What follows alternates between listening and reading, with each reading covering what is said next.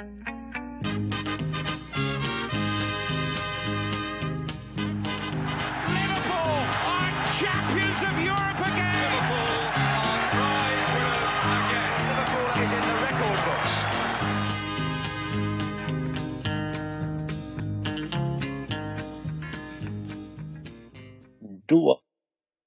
hälsar vi välkomna till ännu ett avsnitt av LFC-podden, Liverpools eh, Sveriges största podcast får vi väl skryta med hoppas vi. Eh, som vi i vanlig ordning här gör i samarbete med Svenska supporterklubben, LFC.nu och med Redspet.com, spelbolaget som alltid ger det bästa oddset på just Liverpool FC. Eh, ett riktigt deppigt landslagsuppehåll i vanlig ordning är snart till ända och vi kan eh, börja ta fokus på Premier League igen. Vi har ju inte riktigt legat på latsidan utan Christian Andersson och Fredrik Eidefors eh, spelade häromdagen in ett podmi-avsnitt om staden Liverpool faktiskt. Riktigt bra framförallt kanske för den som inte har varit där någon gång men eh, även lite nytt kanske för den som har eh, fått äran att besöka Liverpool ett par gånger. Och lite fokus givetvis på staden nu inför podden Away som det bara är drygt en och en halv vecka kvar till. Och då kommer jag sitta på planet tillsammans med resten av poddgänget, eh, varav en är med mig här idag. Kalle Sundqvist, eh, en och en halv vecka kvar till podden Away. Hur känns det? Eh, det känns helt fantastiskt faktiskt. Eh, första, första återbesöket för säsongen och att göra det tillsammans med alla poddkollegor här i podden och eh, en hel drös fantastiska lyssnare gör ju att det blir mycket roligare. Så att jag ser fram emot det oerhört mycket faktiskt.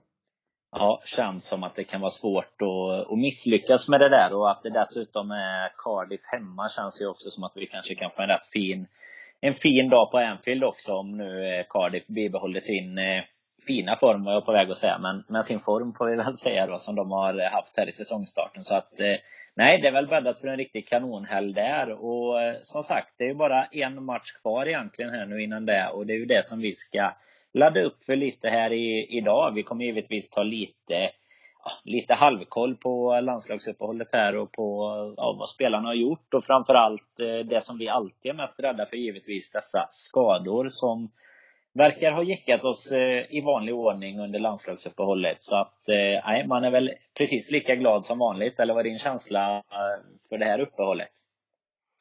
Ehm, ja, det är som det brukar vara när det är landslagsuppehåll säger jag. Det är ingenting som eh, jag tror många klubblagsfantaster är eh, jätteintresserade av faktiskt. Speciellt inte när det Ja, det påstås ju vara någonting som står på spel nu i det här eh, Nations League, men ska jag vara ärlig så har jag inte riktigt som så många andra fattat grejen med det. Så att, nej, liga ligafotbollen får gärna hålla på vecka ut och vecka in för min del. Mm.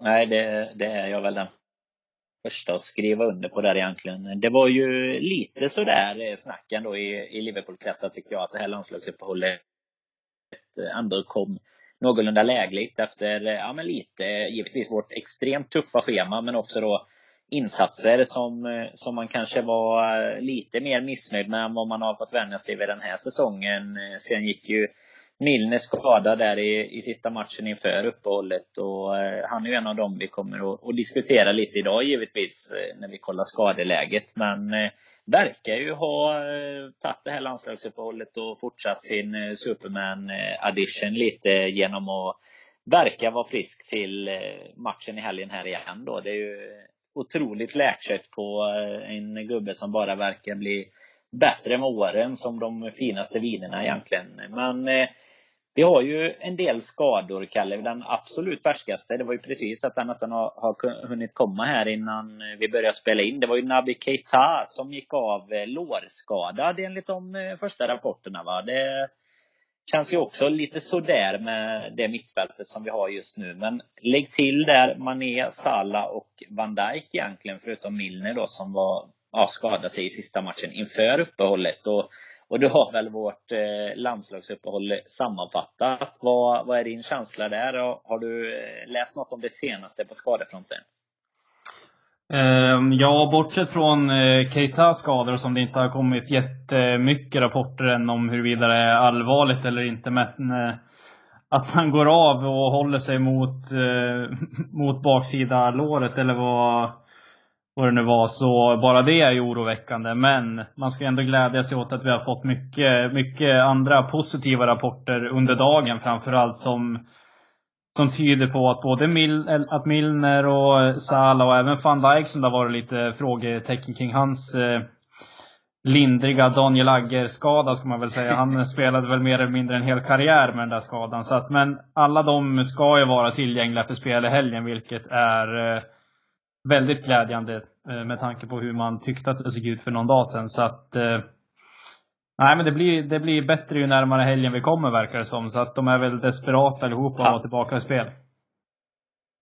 Ja men absolut. Och lägger man till där då Sadio Mané som uppges ha, ha brutit ett ben i tummen eh, här nu då på landslagsuppehållet så verkar det väl, man har ju aldrig läst så mycket nyheter om Eh, skador som, som rör tummar eller händer här nu. Eh, för att eh, det verkar ju som att det inte bör behöva hålla honom borta i alla fall vad, vad rapporterna säger. Och det, det är klart, de har ju sett många som spelar med den här Luis Suarez ja, lindningen liksom som han bara körde på med sen egentligen. Men nej, jag tror väl inte att det ska vara något problem.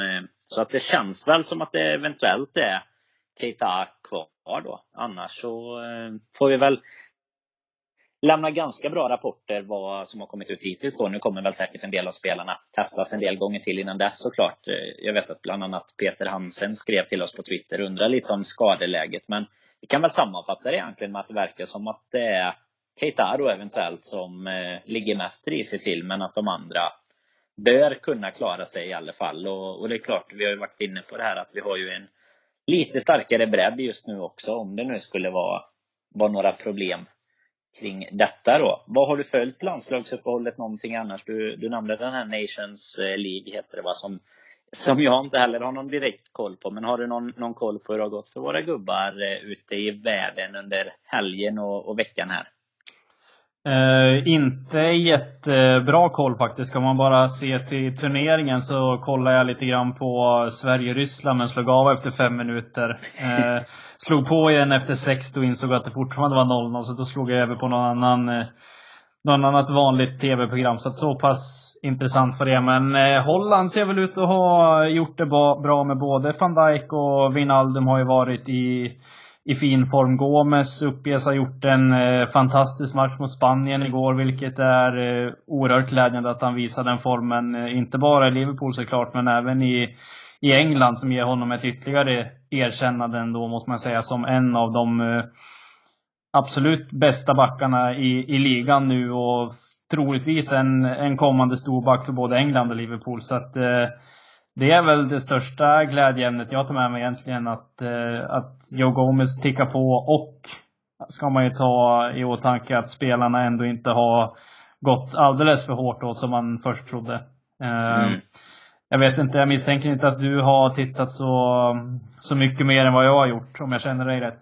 Nej, inte mycket mer än vad, vad du har sett. Man har ju Eh, som du var inne på där, Wijnaldum och eh, van Dijk båda i målprotokollet där för eh, Holland mot Tyskland. Och sen så vevades det ett klipp där innan Salah skadan. Han drar in en hörna direkt i mål. Jag, jag måste faktiskt säga att jag har dålig koll på vilka det var emot. Men eh, imponerande oavsett egentligen. Det är en sån grej som man annars bara brukar se i, i tv-spel nästan. Att man drar in en hörna på det där sättet. Så att, nej, eh, riktigt eh, imponerande innan de här skadorna får man väl säga. Så man hoppas väl egentligen att, att de kan liksom konservera den här formen. För eh, det är väl lite det jag tänkte att vi kan eh, stanna upp vid innan man liksom går in på själva matchen då, eller matchandet mot Huddersfield och, och hur det har sett ut tidigare. Så vad, vad var liksom din känsla? Jag nämnde här innan att många tyckte att det kanske var ganska skönt att vi gick till landslagsuppehåll just för att vi har haft lite sviktande form är väl kanske svårt att kalla det i och med att det var, var Napoli, Chelsea och City som stod på andra sidan. Men vad, vad kände du där? Var, var det liksom lägligt för oss med ett landslagsuppehåll för truppen? Och eh, de är ju ändå borta på liksom respektive landslag, men som du säger så är det vissa som har matchats kanske lite lättare så att man ändå har kunnat få någon sorts vila och givetvis med ett, ett VM i benen så är det många som, eh, som har varit lite trögstartade både hos oss och hos konkurrenterna så sett.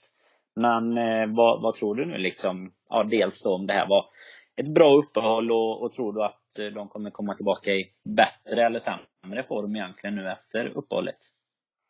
Eh, jag är en av dem också som håller med om att uppehållet kom eh, lägligt i en tuff period för Liverpool med mycket matcher och vissa lite tuffare resultat. Men med närmare eftertanke så är man ju inte superbesviken med att ha slagit Tottenham. Vi har tagit poäng borta mot Chelsea. Vi har tagit poäng hemma mot City och ligger i delad, delad ligaledning med de, med de två. Eh, enda matchen man grämer sig över lite mer rejält är väl bortamatchen mot Napoli där jag tycker att vi hade ett eh, som var ett lågvattenmärke för den här säsongen egentligen. Eh, så att det, det är väl den matchen som svider mest av de som har varit innan uppehållet. Ehm, det som är lite synd är väl egentligen att alla de mer eller mindre startspelarna i laget, de sticker iväg med respektive landslag och truppen splittras. Det man hade önskat är ju att de hade fått spela ihop laget igen på, på Melwood under de här dagarna. Eh, de som är kvar är ju egentligen Starwich, Lalana och, och de som är utanför landslagsspel med Klein och lite ungdomsspelare och så. Så att det blir ju inte mycket vad ska man säga, finslipande på detaljer och så vidare på Melwood under, under den här tiden. Utan de kör på i, i sin egen takt och spelar ju givetvis eh, allihopa för sina, för respektive länder och bara det är ju stort för, för spelare har man ju märkt under årens lopp. Så att det är klart att de ändå har matchats hårt och vissa har matchats lite mindre vilket eh, också kan vara bra. Van Dijk till exempel.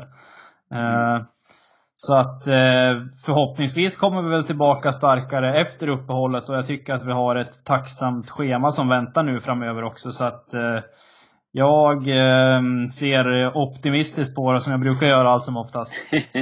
Nej, det är helt rätt. Det är ju som du är inne på här nu då. Vi har ju Huddersfield borta och så är det ju lite, ja, återkommer vi ju i Champions League också givetvis. Men även där jämfört med Napoli och PSG då, så har vi ju Röda Stjärnan nu först hemma, sen hemmamatchen mot Cardiff.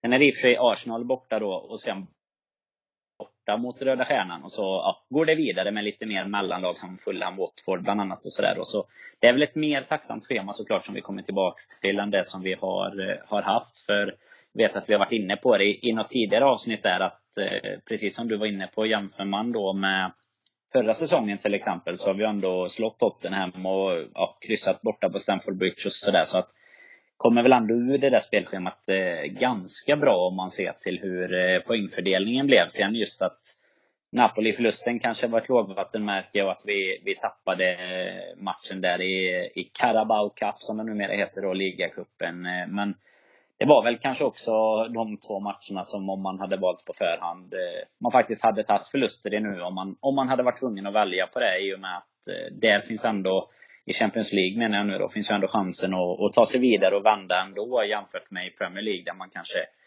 halkar lite efter i det här maratonloppet då istället. Så att eh, Champions League är snarare ett eller tvåa bara handlar om att, att ta sig vidare sådär. Men det, vi ska väl söka oss lite mer in på, på Huddersfield med. Det är ju som alltid inför Huddersfield-matchen så är det ju snack om eh, Klopp och Wagner där. Han har ju haft en riktigt tuff start på eh, säsongen med sitt Huddersfield. De har ju faktiskt inte gjort mål än på hemmaplan. Det passar ju oss yppligt när vi ska åka dit nu. Men ligger ju på nedflyttningsplats. Eh, jag och Robin körde ett avsnitt inför säsongen där vi tippade att båda var, var överens om att Huddersfield skulle åka ner. Jag vet inte om du får sikta sitta efter åtta matcher in då, Kalle, och nu när du har sett Huddersfield eh, lite, tre poäng på de här åtta matcherna. Vad, vad är känslan? Är det, Liverpool går ju dit som storfavoriter såklart, men hur, hur ser Huddersfield ut kontra förra säsongen tycker du?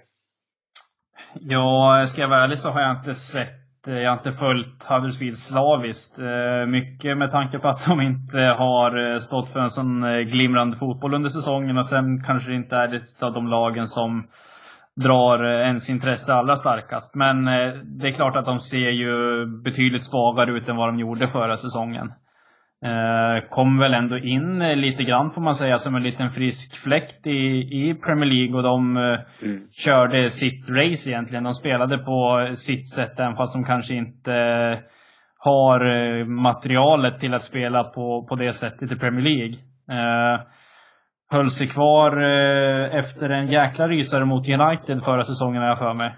Eh, om jag inte missminner mig mm. helt och hållet. Där det var riktigt Ja, det var riktigt vilda västern fotboll där emellanåt. Men de, eh, de säkrade kontraktet i den matchen och eh, Nej, det, jag håller väl med. Det är lättare att sitta här och säga nu eh, efter eh, efter en tid in på säsongen att jag också tror att de kommer åka ur. Tillsammans med Cardiff ska jag väl säga, som vi ska se när vi åker på podden away. Så att det är två, två lag som jag tror kommer få agera slagpåsar under hela säsongen i Premier League och kan eh, nog eh, boka sin plats i Championship nästa säsong redan mm. nu skulle jag vilja säga.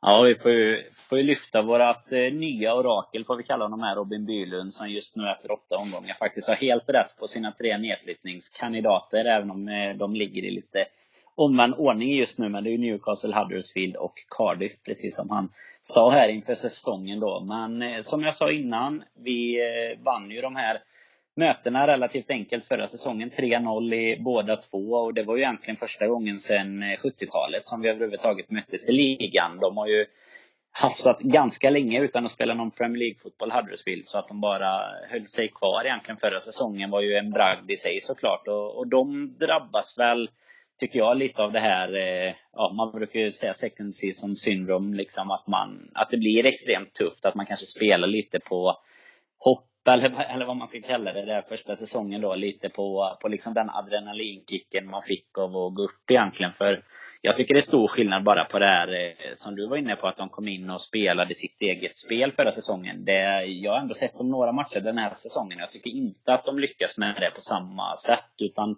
de spelar faktiskt lite mer som ett bottengäng liksom. Eh, Wagner försöker väl hålla lite samma stil som Klopp så sett, men det kanske är så att verkligheten har hunnit ikapp de här spelarna lite mer. Eh, och nej, de har det riktigt, riktigt tufft och har som sagt inte gjort mål än i, i någon av de här fyra hemmamatcherna som de, eh, som de har spelat hittills då. Det är egentligen eh, sedan 98-99, så det är ju 20 år sedan egentligen som det var ett lag som visade upp sämre hemmaform än så. Det var inte helt oväntat då våra närbor Everton som, eh, som stod för den insatsen. Men eh, vad känslan här Kalle med nu oavsett då nu vet vi inte så mycket än som sagt om, om skadorna. Vi kommer väl få veta mer längre fram så sett. Men det är klart att vi går in i en sån här match som, som storfavoriter. Eller vad, vad känner du? Även om det är borta plan och allt det här. Eh, ja, men det, det, måste man väl vara ärlig och säga. Det kommer vi göra mot de allra flesta lagen den här säsongen oavsett vilka vi möter. Eh, bara att man sitter och är helt mer eller mindre övertygad om att man ska spöa Man City på hemmaplan så har man ju nått eh, ganska långt. Så att vore, man borde sjunka lågt innan man sätter oss som eh, att man riktar några tvivel mot att vi ska slå Huddersfield. Men eh, nej, givetvis är vi stora favoriter och jag tycker ändå med tanke på det vi har pratat om lite tidigare här i avsnittet med, med skador och sådär att det, jag tycker inte att det är någon anledning till att stressa tillbaka en sån som James Milner egentligen. För att han kommer spela så fruktansvärt mycket fotbollsmatcher den här säsongen. Eh, och jag tycker att det vore dumt egentligen att slänga tillbaka honom kanske lite tidigare än nödvändigt för en match mot eh, mot Huddersfield. Eh, istället skulle man ju kunna ge en sån som Fabinho chansen och få sin första start och lika Shakiri skulle ju kunna spela. Eh, vi har sett honom kunna göra det bra på, på en av de där mittfältsrollerna. Så att det finns ju lite kapital bakom där att slänga in också. Så att det är ingen, eh, ingen panik att vi måste mönstra det starkaste laget. För att jag tror att vi, eh, så länge vi håller vår, vår försvarslinje intakt och eh, att vi ändå på något sätt eh, står med den fronttrion så kommer vi kunna rotera lite grann på de där platserna där bakom. Så att eh, Nej, positiv eh, inför matchen. Jag hoppas faktiskt att få se lite förändringar också. För att jag tror det kan vara bra för både de som har spelat mycket och för de som inte har spelat så mycket. Så att det är en klassisk win-win situation tycker jag. Ja men absolut, och det är väl eh, som du är inne på där också, det är väl inte den här matchen som man kanske hade saknat James Milner mest heller, utan han i en sån match mot City till exempel, det är väl en, eh, en sån som man hellre ser att han inte går i sönder som han gjorde nu sist och då är det väl bra att inte stressa tillbaka honom heller.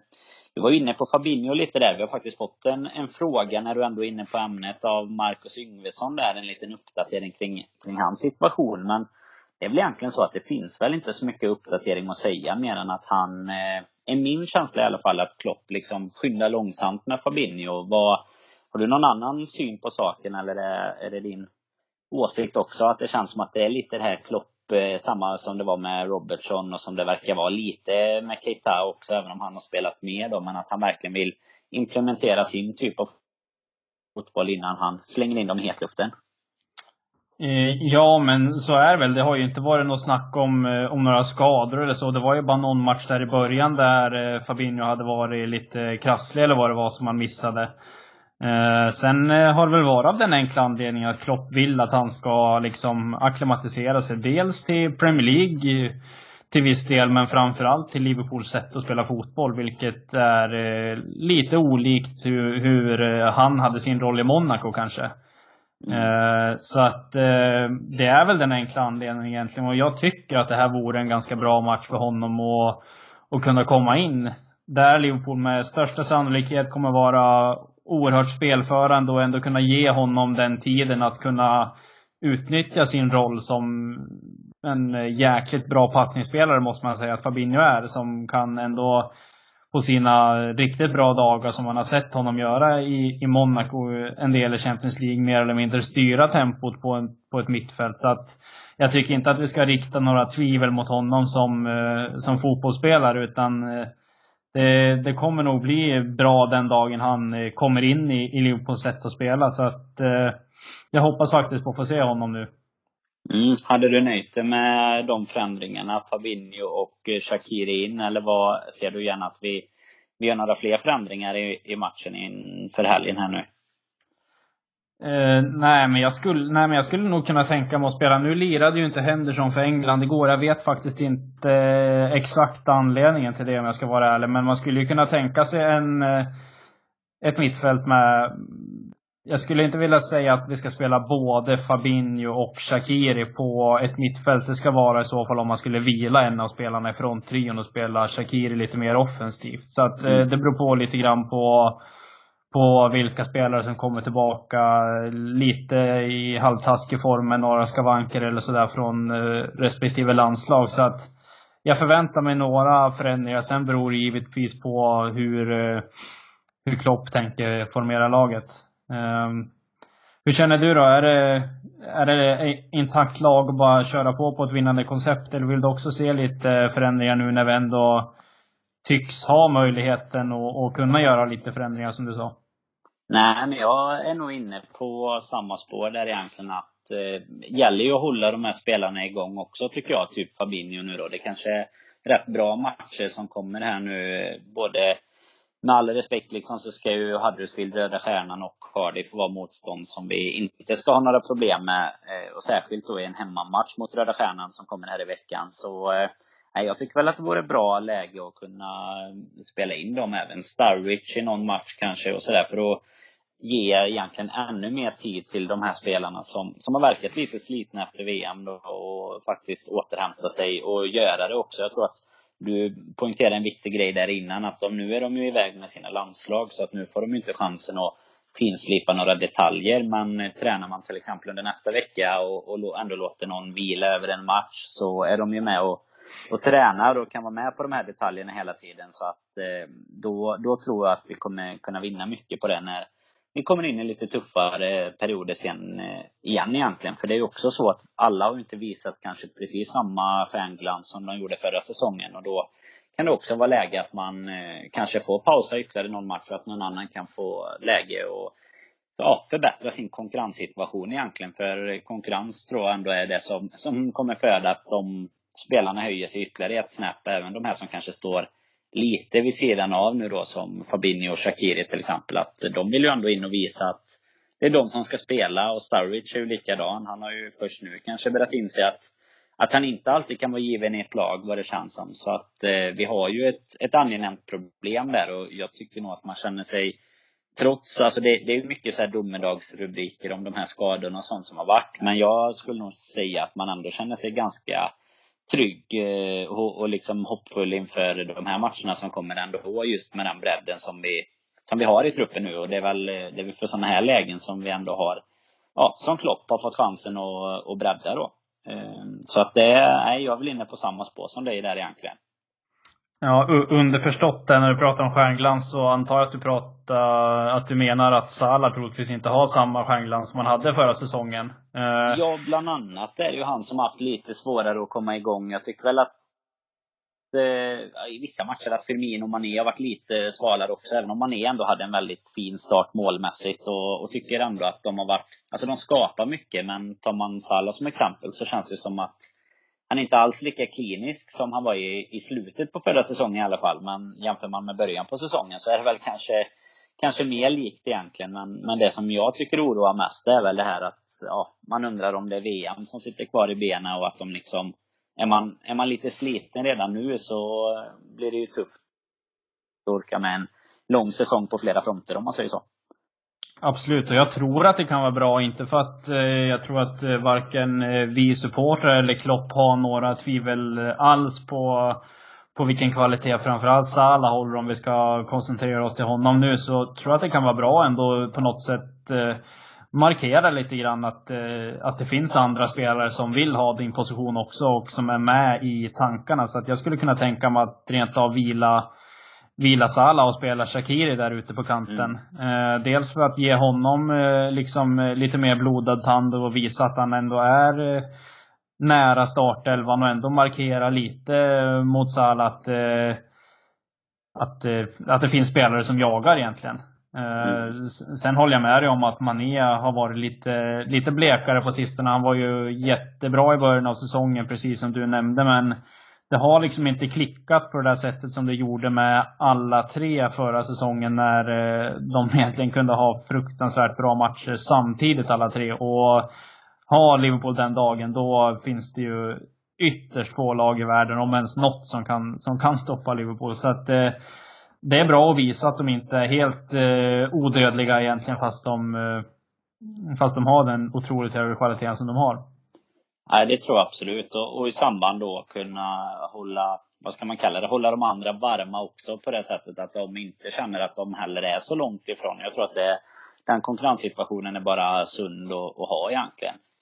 Eh, men vi ska ju givetvis komma tillbaka till eh, matchen sen, Kalle. Vi ska ju tippa. Vi kommer i vanlig ordning ha en tipstävling för våra följare på Twitter också. Så eh, man kan vinna. Ja, nu senast var det ju, jag tänkte säga t-shirt av bara av bara farten där från Sam Dodds. Men nu senast var det ju Bruce Roblars bok som, eh, som var första priset. Så att, eh, ja, inte alltid bara snygga t-shirtar eh, i potten där inte. Men tänkte att vi nu, vi har ju inte direkt något eh, att prata om det som har varit landslagsuppehåll. Eh, vet du att jag gärna vill hålla mig ifrån. Så jag tänkte att vi skulle passa på här nu och ja, lite kort egentligen bara. Inte, inte göra någon jättedjupdykning men eh, sammanfatta nu. Det är tre år sedan eh, ganska exakt som eh, Klopp kom till klubben och tog över eh, efter Brandon Rodgers här. Eh, och tänkte att vi ändå kan eh, landa lite i det och känna ja, lite vad, vad vi tycker att han har lyckats göra på de här tre åren och vad de stora skillnaderna är och sådär kan säga att jag, jag var ju på hans första match där, eh, Tottenham borta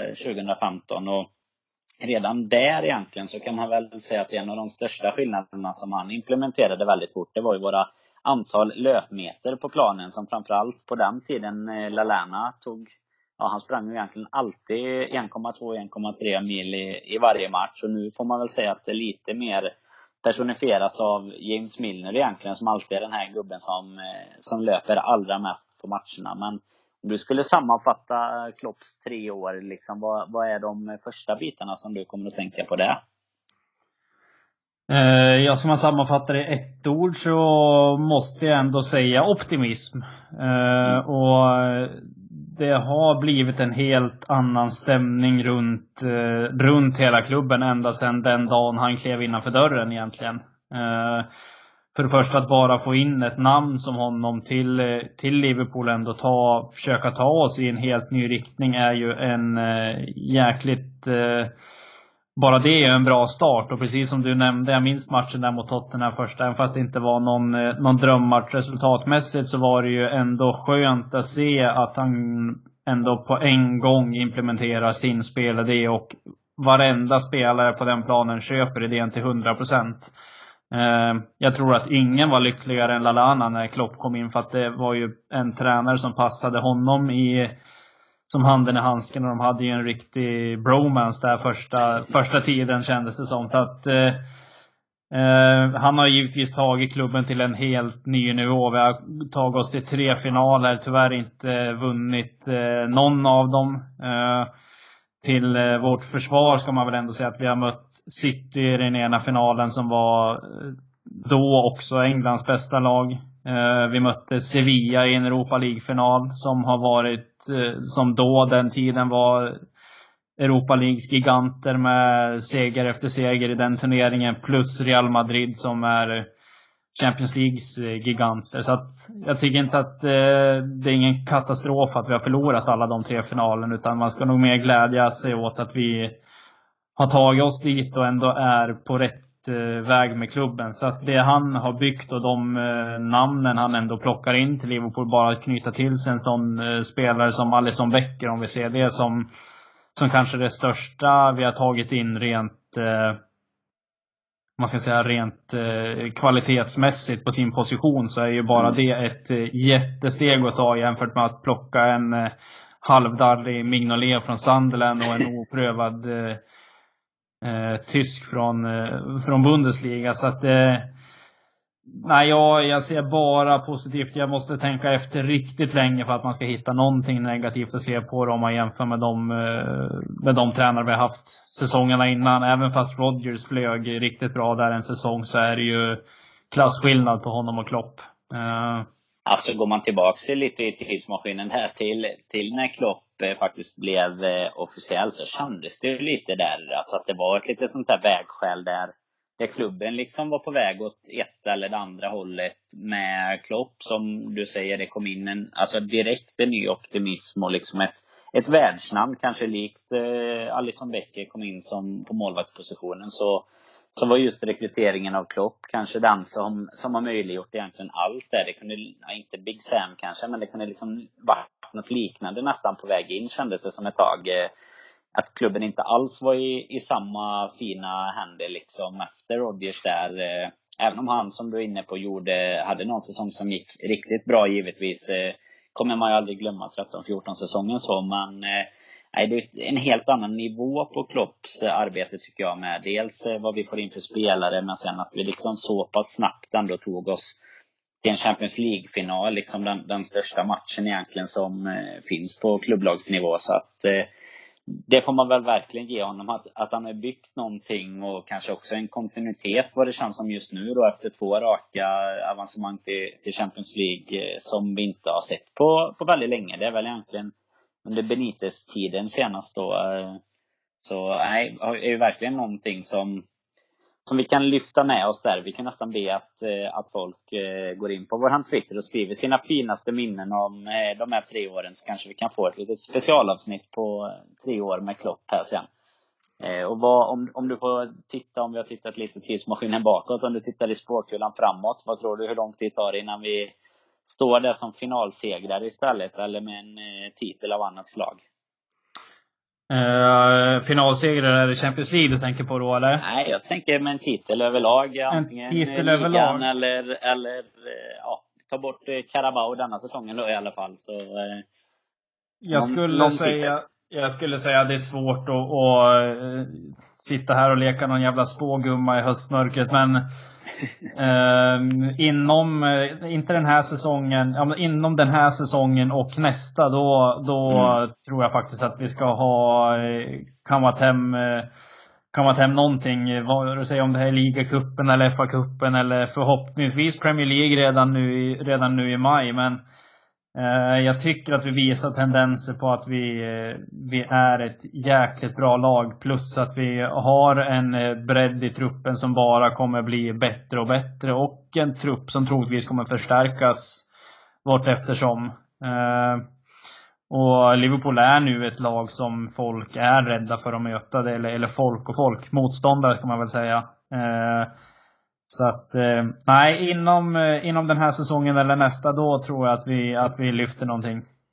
Det är väl också den biten att vi numera ja, faktiskt är med på absoluta toppen både spelmässigt, eh, värvningsmässigt, alltså på, på egentligen alla fronter känns det som. Det är ju så mycket mer än bara vad som sker på planen egentligen. Eh, även om det, även om det givetvis är det som spelar roll så gäller det att få rätt material att bygga med också. Och sådär känns verkligen som att eh, Klopp och, och FSG också får man ju ge cred för det. Det har ju varit, var inte många år sedan man satt och kände att det var dags för dem att ge upp sin satsning i klubben. Men eh, nej, de har ju också lyckats att vända skaran tror jag, även om det finns mer röster mot dem än vad det finns mot eh, Klopp. Så känns det man har... säga så också, så fyller ju de år nu också i, i dagarna. Ja, det är faktiskt sant. Det var ju igår firade vi åtta år med, med FSG. Så att och vare sig man säger att de har lirat någon form av moneyball och implementerat eh, baseballtaktik i Liverpool så var ju det någonting de gjorde i början av sin tid egentligen. Att, att försöka verkligen att sätta igång en, eh, en stor affär egentligen. Att värva in ungt och lovande och sen sälja dem dyrt. Eh, det, det var det ju inga hemligheter med, men nu har de pumpat in 850 miljoner pund under deras tid. Så att det är ju drygt liksom en miljard per, per säsong, vilket jag tycker inte man kan rikta någon form av kritik gentemot dem. Plus att de har gett oss en eh, fantastiskt fin arena som, som vi har nu. Så att eh, den kritiken som har varit mot FSG, den tror jag har lagt sig lite grann nu också mm. sen Klopp kom in. Att de har blivit mer eh, jag vet inte vad man ska säga, samarbetsvilliga. Det var ju ett jäkla liv under Rodgers tid med, med transferkommittén och att det var de som hade sista ordet och, och så att det, det var nog många värvningar under den tiden som Rodgers inte alls tyckte mm. hörde hemma i laget. Balotelli är ju säkert en av dem och många andra spelare som inte, som inte borde ha spelat i Liverpool egentligen. Eh, sen Klopp kom in så har han sista ordet och jag tror att det har blivit ett mycket bättre förhållande mellan ägare, tränare och eh, du kan dra det ända ner till supportrar egentligen för att det är där någonstans det slutar egentligen. Så att eh, 11 års eh, kalas med, med Klopp och FSG tycker jag att vi kan eh, fira med Ja, vad fan ska vi ta? Vi tar väl någon öl på podden away kan vi väl säga. ja, det får vi göra. Det, det finns nog en risk för det känns det som.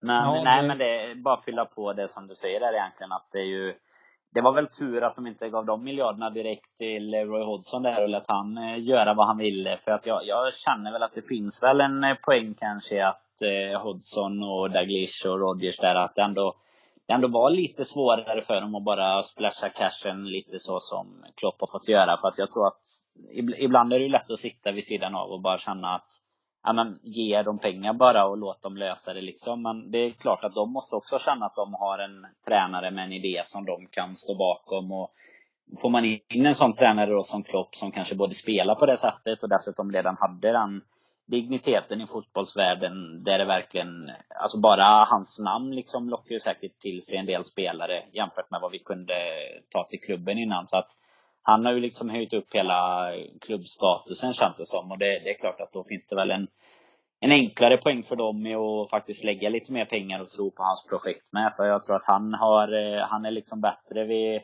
vid bordet och sitter och visar sin eh, vision än vad Hodgson var när han sa till Kuyt att nu börjar vi slå långbollar istället. Liksom. Så att eh, nej, det, det finns nog en, eh, en poäng i att fira det här jubileumet både för Klopp och för FSG faktiskt. Det var sen bara åtta år sedan man satt där och uppdaterade varje dag för att se vad, vad som hände med i rättegången för att vi skulle gå i konken. Det, det är rätt sjukt egentligen. Jag, jag, ska bara slå ett slag för det också. Att eh, det finns en jäkligt intressant läsning med både lite eh, nyttig och rolig information plus alla transferfönster sammanfattade egentligen med spelare in och spelare ut. Och jag sitter här och bläddrar på bilderna just nu och det är ganska glädjande att ju längre ner man kommer och ju längre fram i tiden man kommer så blir det ju mycket roligare spelare att titta på på de bilderna. Så att Gå in på LFC.nu. Igår lades det ut en, eh, en jäkla bra bra nyhet där som eh, sammanfattar de här åtta åren egentligen. Att det är ganska kul att se vilken skillnad i spelarmaterial vi har nu jämfört med då. Så att eh, det tycker jag att man kan göra nu direkt, eh, direkt efter avsnittet egentligen. Jag bläddrar förbi namn som Alex Manninger och sådana här. Så att det finns ju lite, några riktiga legender här. Så att in och läs. Nej, det är ju också det man kan följa det senaste kring de här skadorna. Så att det är bara att eh, hålla LFC.nu uppe hela dagen och givetvis vårt eh, Twitterkonto där eh, man vinner den här tröjan när man har ryggat Kalle Sundqvist sen också inför resultatet i helgen. Men nej, det är väl egentligen det vi kan säga om Klopp, Kalle, som du är inne på, utan att bli för långrandiga kring just det. Att eh, han har ju fått klubben att andas en helt ny eh, typ av optimism och eh, det här med Champions League-final och hela den resan. Eh, och så nu vad den här säsongen har börjat med så känns det som att vi nej, det kan bara få fortsätta så här och bara bli ännu bättre givetvis. Det trodde man inte att man skulle få, få bli så här bortskämd igen fotbollsmässigt. Att man får sikta efter en förlust mot Napoli till exempel och känna att det, att det ska vara lågvattenmärket för hela säsongen så här långt. När man ändå har kommit en, en dryg fjärdedel in på säsongen då. Men eh, om vi tar lite sikte igen mot eh, lördagen här och det är kvällsmatch. Eh, 18.30 sparkar vi igång svensk tid. Vad, vad är känslan resultatmässigt när vi åker eh, på bortamatch mot Huddersfield? Eh, ja du, med tanke på hur positiv man har ändå låtit nu, eller jag tycker mig själv ha varit positiv under avsnittet till, till framtiden och framförallt eh, helgen så får man väl eh, dra i med någonting bra. Vad ska vi säga då? Jag tror faktiskt att Huddersfield eh, kommer att göra sitt första mål. Eh, så 3-1 Liverpool säger jag. Ja, 3-1 är ju ändå, det hade man ju tagit här nu, eh, även om man, eh, man, som du säger, man blir nästan lite så bortskämd att nu vill man bara se eh, lite så här tappen ur tunnan efter det som hände nu med, ja, egentligen alla våra matcher i det här svåra schemat eh, inför landslagsuppehållet då, men eh, jag tror nog att vi håller nollan faktiskt. Jag tror nog att vi fortsätter på den inslagna vägen på 3-0 som vi körde mot dem förra säsongen. Känns som att Klopp och Wagner har en bra deal där, där vi eh, ja, rätt snabbt och lätt gör, eh, gör våra tre och så lite som mot Southampton så kan vi ta det ganska lugnt resten av matchen sen.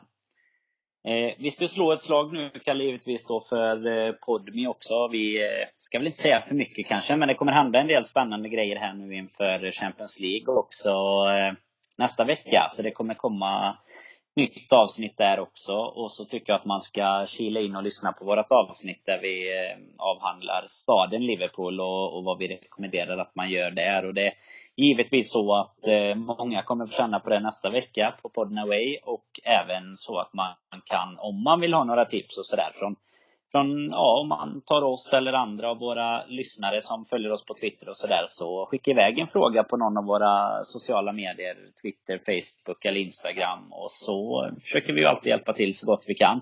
Det finns ju lite gemensam eh, reseerfarenhet med givetvis med, med Christian Andersson i främsta ledet som eh, bodde på öarna där i några år. Så eh, nej, det tycker jag verkligen man ska göra om man vill ha lite tips på vad man kan göra i, i Liverpool. Men jag tycker väl att vi har avhandlat egentligen det som vi, vi kan göra inför Huddersfield, Kalle. Är det någonting du känner vi, vi saknar? Uh, nej, ja Jocke Lundberg då, men det, det är inte så jäkla mycket att göra åt. Uh, Han fick ju kasta in handduken här på grund av sjukdom i, i sista stunden. Har stått för, i hamnen och lite, lite för kallt nere i Helsingborg. Vi, lite för mycket vind verkar det som. På kajen uh, där. Mer än det så tycker jag att jag inte saknar eh, speciellt mycket mer än Premier League-fotboll. Men vi behöver inte vänta allt för länge innan det är tillbaka. Och på nästa fredag är Jocke tillbaka i action med oss. Så att, eh, nej, livet eh, det känns fan rätt bra nu tycker jag. Det känns bra nu. Det är en seger mot Huddersfield bara. Så kommer vi tagga till lite extra för resan sen helgen därpå. Ja, det tycker jag låter som en, eh, en bra sammanfattning. Ja, det är gott Kalle. Då får vi tacka alla som har lyssnat här idag. Vi eh, kommer som sagt höras via olika kanaler igen innan eh, nästa avsnitt här. Men Tills dess, håll, håll utkik på Twitter efter den nya Podmy-specialen och håll även utkik efter vår resultattävling för lördag. Så tackar vi för fortsatt förtroende i lurarna och så hörs vi snart igen.